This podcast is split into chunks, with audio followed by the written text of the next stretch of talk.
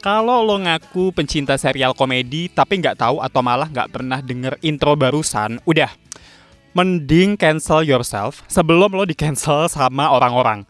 Karena opening barusan tuh opening dari sitkom yang bisa dibilang legendaris, jalan 10 season 10 tahun, dan sampai lebih dari 20 tahun kemudian, kalau ada aktor aktrisnya yang ketemu dalam satu layar nih, langsung deh pada heboh ngomongin kemungkinan reunian. Ya, kalau kalian baca judul episode ini atau lihat teasernya di Instagram at reviewsjw atau Twitter at review underscore sjw, kalian lah di sini gue lagi ngomongin Friends. Dari tahun lalu akhirnya dikonfirmasi bahwa Jennifer Aniston, Lisa Kudrow, Courtney Cox, Matt LeBlanc, Matthew Perry, sama David Swimmer bakalan reunian sebagai salah satu penggemarnya, gue excited banget dong. Sayangnya, terus kan ada COVID tuh. Jadi ya, kayak produksi serial dan film-film lainnya, produksi reunian fans juga ditunda. Tapi untungnya tanggal 27 Mei kemarin, akhirnya reunian itu terjadi juga dan bisa ditonton di HBO Go awalnya gue agak khawatir ya karena reunian ini kan produksi HBO Max original. Nah, HBO Max itu setahu gue franchise HBO yang eksklusif kerjasama dengan Warner Bros. dan cuma ada di Amerika doang. Di regional Asia, layanan streaming milik HBO tuh masih HBO Go namanya. Jadi bisa ada perbedaan konten. Untungnya, ternyata pihak HBO dan Warner Bros. berbaik hati mau nayangin reunian Friends ini di HBO Go juga. Serial lengkapnya sendiri sih nggak ada di HBO Go, di HBO Max adanya. Tapi di regional Indonesia, kita masih bisa nonton serialnya di Netflix. Rada aneh sebenarnya menurut gue, karena lisensi tayang Friends itu udah pindah dari Netflix ke HBO.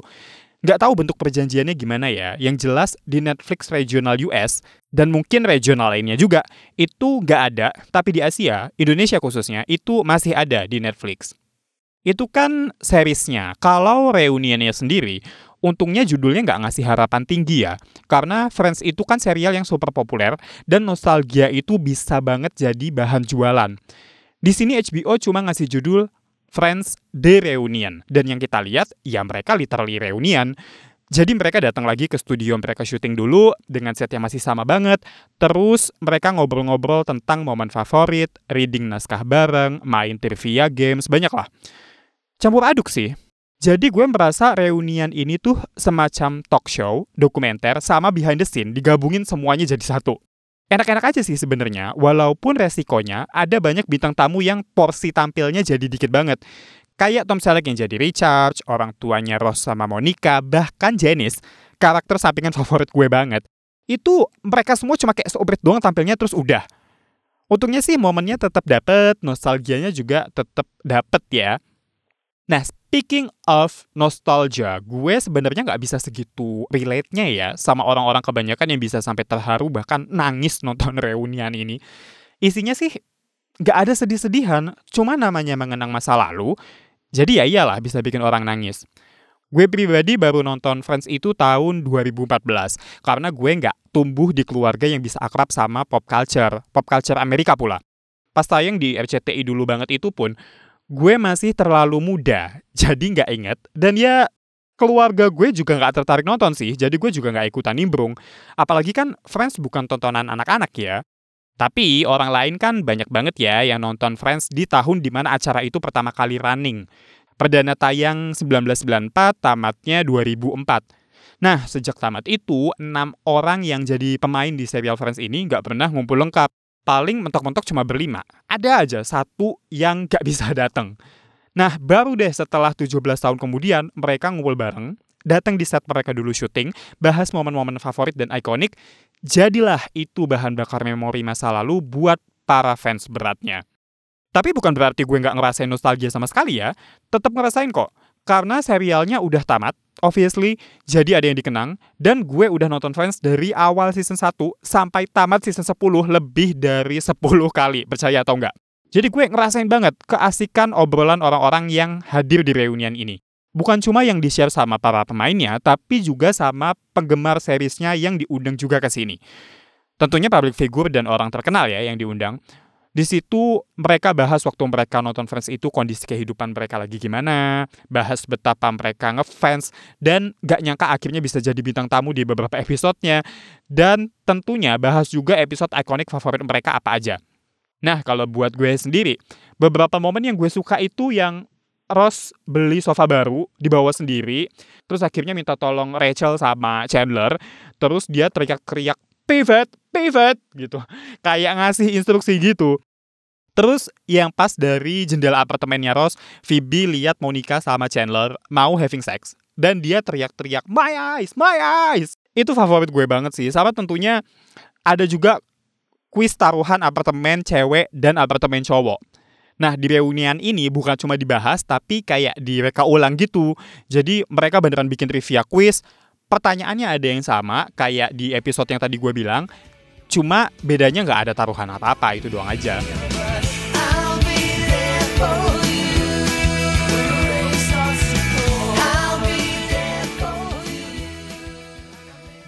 Di Twitter gue sempat nemu salah satu cuitan netizen kan.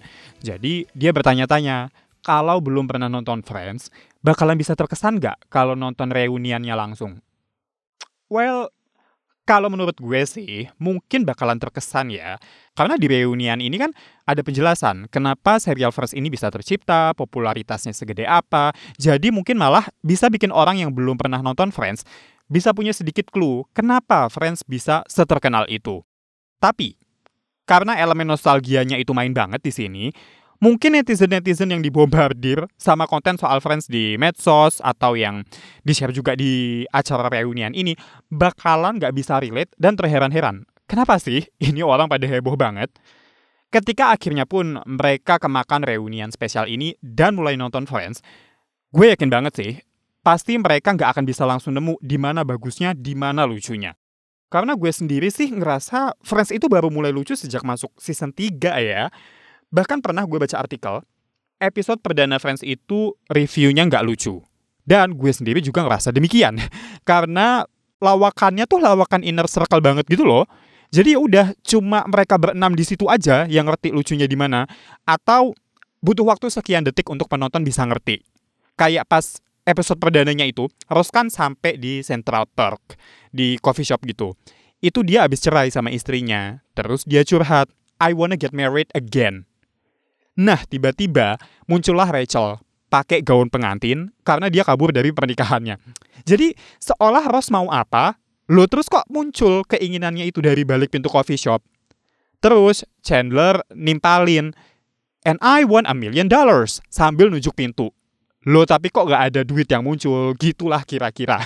Itu pun gue baru nangkep jokes itu setelah nonton kedua apa ketiga kalinya gitu. Padahal gue pikir gue gak lemot-lemot amat loh. Emang sih namanya sitkom pasti lawakannya internal, tapi gue pikir harusnya nggak segaring itu juga lah ya. Gue bisa kok ketawa ngakak banget di episode perdana Will and Grace yang sama-sama sitkom. Emang fans tuh segaring itu aja. Tapi kayak yang gue tadi bilang, makin berjalannya episode, kita bakal bisa ngerasain lucunya di mana, lucu yang khas di masing-masing karakter itu apa aja, dan kenapa ada orang-orang kayak gue yang bisa betah nonton Friends berulang kali. Gue sih merasanya karena, kayak yang kreatornya juga bilang di acara reuniannya, Friends itu premisnya cuma enam orang temen, ngumpul, ngopi-ngopi, makan-makan, liburan bareng, udah gitu doang tanpa ada satu tokoh sentral. Jadi berasanya ringan dan enak banget kalau ditonton pas kita lagi capek sama urusan duniawi. Terus beberapa hari lalu gue baca artikel kan di Fox Judulnya Friends and the Illusion of Perfect Adult Friendships. Jadi, menurut artikel itu, apa yang ada di Friends dan serial-serial pertemanan sejenis tuh emang menjual ilusi sih. Karena kebanyakan orang di usia dewasa, bahkan dari sejak era 90-an ya, itu hidupnya terlalu kompleks untuk bisa menetap di satu tempat, apalagi punya satu lingkaran pertemanan yang gak pernah gonta-ganti personil. Di era sekarang apalagi ya, orang susah banget maintain pertemanan. Di artikel Fox itu bahkan dijelasin bahwa di Amerika 22% orang dari generasi milenial merasa mereka nggak punya temen. Sementara itu Gen X, mereka-mereka yang dulu mungkin udah cukup umur untuk nonton Friends di masa tayang originalnya, 16 persennya merasa mereka nggak punya temen. Banyak loh itu. Nah, Friends ini jadi kayak agak menggambarkan realita karena pertemanan mereka super erat gitu dan muternya udah di situ-situ doang. Chandler itu temennya Ross dari zaman kuliah, Rachel temennya Monica dari zaman SMA, Monica kakaknya Ross, Ross pernah naksir Rachel waktu SMA, Monica pernah agak naksir Chandler waktu kuliah. Malah akhirnya Monica dan Chandler menikah. Ross sama Rachel juga, meski putus nyambung, ujung-ujungnya bersatu lagi. Yang baru ya cuma Phoebe sama Joey aja. Itu juga Joey sama Rachel pernah saling naksir gitu sampai ciuman juga. Jadi bahkan sampai ke ranah percintaan pun mereka juga muternya di situ-situ doang in real life, di kota besar apalagi, orang pindah kerja ke luar kota, lanjutin kuliah S2 di luar negeri, menikah bahkan sebelum umur 30, jam dan hari kerja beda-beda dan gak pernah punya waktu yang pas untuk ketemuan, jadi hampir mustahil untuk punya satu kelompok pertemanan yang sama dan kehidupan yang muter di situ-situ doang, sampai 10 tahun pula. Terus apakah Friends ini jadinya nggak realistis? Gue rasa nggak gitu juga ya. Karena pasti ada lah di dunia ini yang kehidupannya muter di situ-situ doang kayak orang-orang di serial Friends ini. Walau iya gue rasa pasti langka lah, tapi bukan berarti nggak ada kan. Tapi karena menggambarkan realita yang langka banget ini, jadinya Friends juga terasa agak jauh dari kenyataan. Makanya gue setuju bahwa Friends itu menjual fantasi kehidupan pertemanan. Apakah ini buruk? Ya enggak lah film dan TV series itu kan emang gak nyata. Bukan berarti bisa seenak-enaknya ngaco sih, kayak sinetron Indonesia misalnya. Tapi menurut gue, banyak juga kok elemen-elemen real life yang diolah dengan baik, makanya orang bisa relate. Toh kita juga suka kan dengan fantasi. Sebagai orang yang nomaden dari sejak masih kecil, gue sering banget kan mendambakan pertemanan jangka panjang yang permanen. Tapi karena udah biasa nomaden itu juga, gue sadar yang kayak gitu tuh hampir gak mungkin terjadi.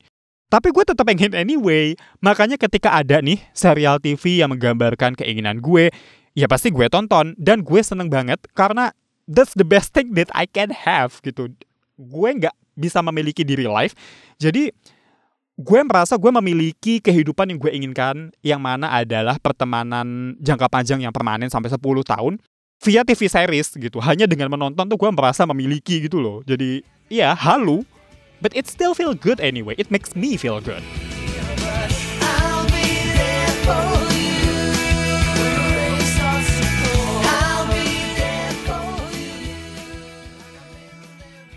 Friends ini kan tayang di tahun 1994 ya. Nah, kalau orang nonton di masa sekarang-sekarang ini, gue yakin pasti ada aja SJW SJW millennials atau Gen Z yang gak suka kurang inklusif karena white people semua lah, homofobik lah, transfobik lah, seksis lah, fatfobik lah, dan lain-lain. Which is true at some points, tapi nggak lantas jadi jelek selama lo bisa melihat konteks zaman. Di era segitu, orang masih belum aware, belum sadar, belum woke sama isu-isu ras, gender, seksualitas, dan isu-isu lain yang kalau di era sekarang kayak dibahas terus nggak udah-udah. Friends buat gue bisa jadi salah satu alat untuk melihat sejauh mana sitcom berkembang. Jadi bisa bikin mikir, oh thank God yang kayak gitu udah nggak lucu lagi sekarang. Lagian, Friends juga terhitung agak berani kok pada zamannya. Kayak Ross cerai sama istri pertamanya, Carol, itu karena Carol lesbian. Terus adalah semacam upacara pernikahan tapi bukan, karena dulu pernikahan LGBT belum legal di Amerika, antara Susan dan Carol dua-duanya perempuan. Terus Chandler dikira gay, bokapnya ternyata well antara transgender atau crossdresser atau drag. Terus Rachel ciuman sama teman SMA-nya yang perempuan, terus pernah ciuman sama Phoebe juga, dan lain-lainnya. Mungkin masih terkesan male gaze ya. Jadi kayak adegan-adegan itu dibuat untuk menyenangkan penonton laki-laki.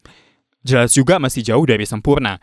Tapi itu tahun 1994 adegan-adegan itu ada aja, itu tuh udah bagus. Toh not exactly harmful anyway gitu. Kita nggak akan bisa nyaman nonton sesuatu dari masa lalu kalau kita pakai standar zaman sekarang. Kita juga nggak akan bisa nemu keseruan, kelucuan, kualitas dari suatu tontonan kalau semangat awal kita adalah ingin menemukan cacatnya di mana. Apalagi ketika kita udah merasa yakin pasti ada yang salah. Gue nggak akan menyalahkan lo kalau lo bilang Friends gak lucu, lo udah ngikutin tapi nggak bisa, atau apalah toh gue juga ngefans tapi nggak berat-berat amat. Tapi kalau emang lo penyuka sitcom, setidaknya cobain lah nonton. Gak harus suka, cobain aja. Jadi ketika lo akhirnya nggak suka anyway, coba lo gali lagi, ukuran yang lo pakai udah bener apa belum. Karena bisa jadi emang lo nya aja yang nggak suka dan nggak sanggup, bukan karena serialnya yang tanda kutip bermasalah.